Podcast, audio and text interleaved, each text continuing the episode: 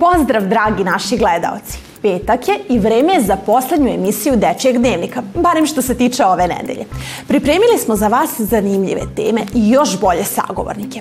Počinje Dečiji TV dnevnik. Ja sam Zorana Nikoletić, a iz sadržaja današnje emisije izdvajamo priču o govornim manama kod dece. O ovoj temi razgovaramo sa logopedom. Saznaćete i kako da se oslobodimo besa. Za vikend vas priprema Kalina Žakić. Preciznu i detaljnu vremensku prognozu za vas je pripremila koleginica Nina Milić. U nedelju se obeležava Međunarodni dan govornih mana i mucanja. Mucanje je poremećaj u kojem se prekida normalan tok govora sa čestim produžavanjem govornih zvukova, slogova i reči. Ovaj problem se često javlja kod dece još u najranijem detinstvu i zato je važno da odmah posetimo lekara kako bismo što pre poboljšali svoj govor.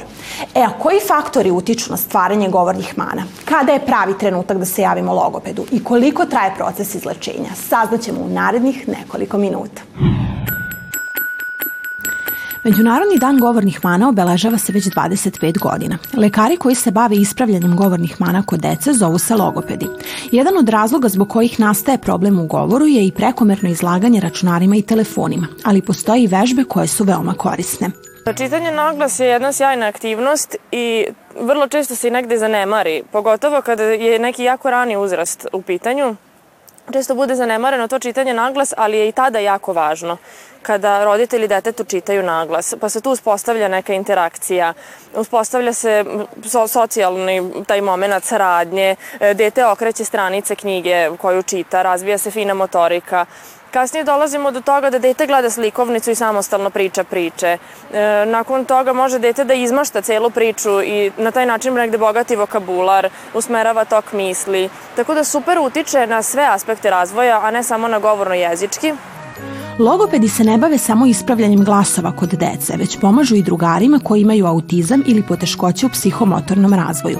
Veoma je važno i da se fokusiramo na izgovor glasa koji nam predstavlja problem na taj način što ćemo se truditi da sklapamo rečenice koje sadrže u sebi taj glas. Dok mama sprema ručak, priča sa detetom e, i usmerava pažnju na to da li je dete svako, svaki put izgovorilo adekvatno taj glas na kom se radi i koji je problematičan.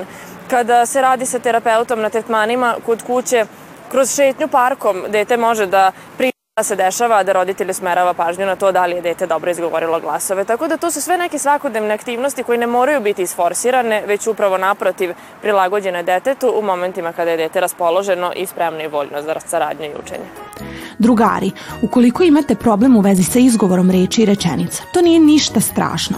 Važno je samo da se što pre javite logopedu kako biste ispravili poteškoće koje imate. U svemu je naravno najvažnija vežba, trud i upornost, a rezultat sigurno neće izostati.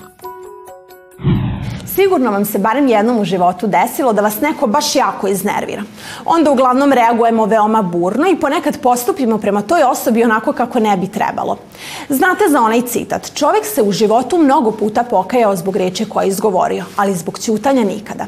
Znam, sada ste pomislili da je lako to reći, ali posle sledeće priče saznaćete da to može i da se primeni u praksi.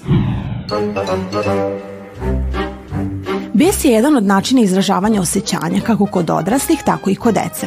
Kako nekad bes može biti veoma ozbiljna stvar, odlučili smo da istražimo kako se vi nosite sa njim. Ja, mm, kad sam ljuta, ja uh, dišem, pa onda idem malo š, š, uh, kod moje sobe, pa onda e, ja čekam da mi se kao izmini možda moj brat ili drugari. E, ja zagrlim mamu i pričam sa njom i onda ona bude jako fina i dobra prema meni, pa ja se odljutim. Kada se naljutim, ja se suočim tako što um, samo čekam izvinjenje od toga ako me neko naljutio ili samo se opustim i udahnem vazduh i bit će mi bolje.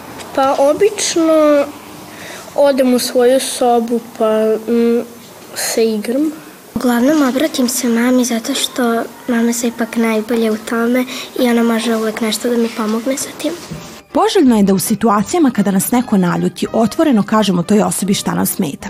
Ali naravno, to moramo da uradimo na adekvatan način kako ne bismo nikoga uvredili, ali da i dalje saopštimo razlog naše ljutnje. Ono što karakteriše e, dečje ponašanje u stvari je da je bes e, manifestacija njihovih emocija. E, u tom trenutku je najvažnije da ostanemo smireni i da polako jednim toplim praktično glasom umirimo dete, a najvažnije je da otkrijemo šta su uzroci tog besa. Jer kada dete ispolji bes, ono što ne treba da se radi je da mi na bes reagujemo besom. Vrlo često je preporuka da se ne treba realizovati detetova ideja oko koje je besac. Znači, ukoliko želi nešto da dobije, nešto da mu se kupi, negde da ide, nešto da radi i to ispoljava na taj neadekvatan način, znači besom, preporuka je da se ta ideja ne realizuje, odnosno da dete shvati da takvim ponašanjem neće ostvariti nikakav benefit. I to je jedan od glavnih načina kako mi u stvari usmeravamo ponašanje deteta, jer on ne dobija potkrepljenje za takvu reakciju. Bes može biti veoma opasna stvar ako ne naučimo na vreme da ga ispoljavamo na pravi način. Zato i kad budete besni, pokušajte duboko da udahnete i da porazgovarate sa nekim o tome. Sigurna sam da će vam biti mnogo lakše. A sada malo da porazgovaramo o planovima za subotu i nedelju. Ukoliko još uvek ne znate kuda za vikend, ništa ne brinite. Tu je naša Kalina da vas svojim idejama inspiriše. Pozdrav od mene. Vreme je za još jedan nezaboravni vikend. Pa pripremila sam super predloge, pa hajmo da počnemo. U Fručkoj gori će biti održan deveti jesenji planinski maraton. Imat, tamo ćete imati priliku da budete fizički aktivni i da uživate u prelepoj prirodi. Do nedelje u bioskope možete posetiti filmski i dečiji festival Kid Fest. Tamo ćete imati priliku da pogledate nekih starih i no, novih i dečih filmova sa sniženim cenama. A novi su e, Dnevnik Paulina P, e, u slučaju Tesla i Grad heroja. Ajde da vidimo to još jednom. Čovek u kabuki masci te je napao sa armijom minijaturnih letećih robota. Mikrobota, Baymax recimo. Da, naredno. Mikrobota. U subotu u pozorištu mladih na repertoaru je predstava Kosi lisica. Ta predstava je dobra jer uči djecu kako da razlikuju dobro od zla. Eto, toliko predloga za ovaj vikend. A mi se vidimo za sedam dana sa još boljim predlozima. Ćao! Pred kraj emisije saznaćemo i kakvo vreme treba da očekujemo za vikend. A ko tu informaciju bolje zna od naše Nine Milić? Sledi detaljan vremenski izveštaj.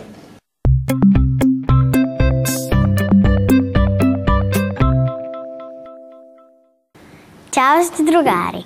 Znam da vas sve zanima kakvo će vreme biti u subotu i nedelju. Imam sjajne vesti za vas. Za vikend su najavili sunčano vreme. Temperatura će biti oko 20 stepeni.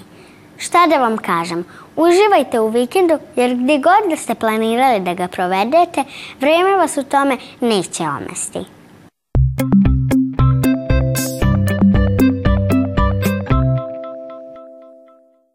Toliko od nas za ovu nedelju. Odmorite se i uživajte u vikendu. A Dečiji dnevnik je ponovo na programu sledeće nedelje, kada će sa vama biti moja koleginica Ana Milag. Hvala vam na pažnji i ostanite uz naš program. Želimo vam prijatan ostatak večeri i naravno vikend koji je pred nama. Doviđenja!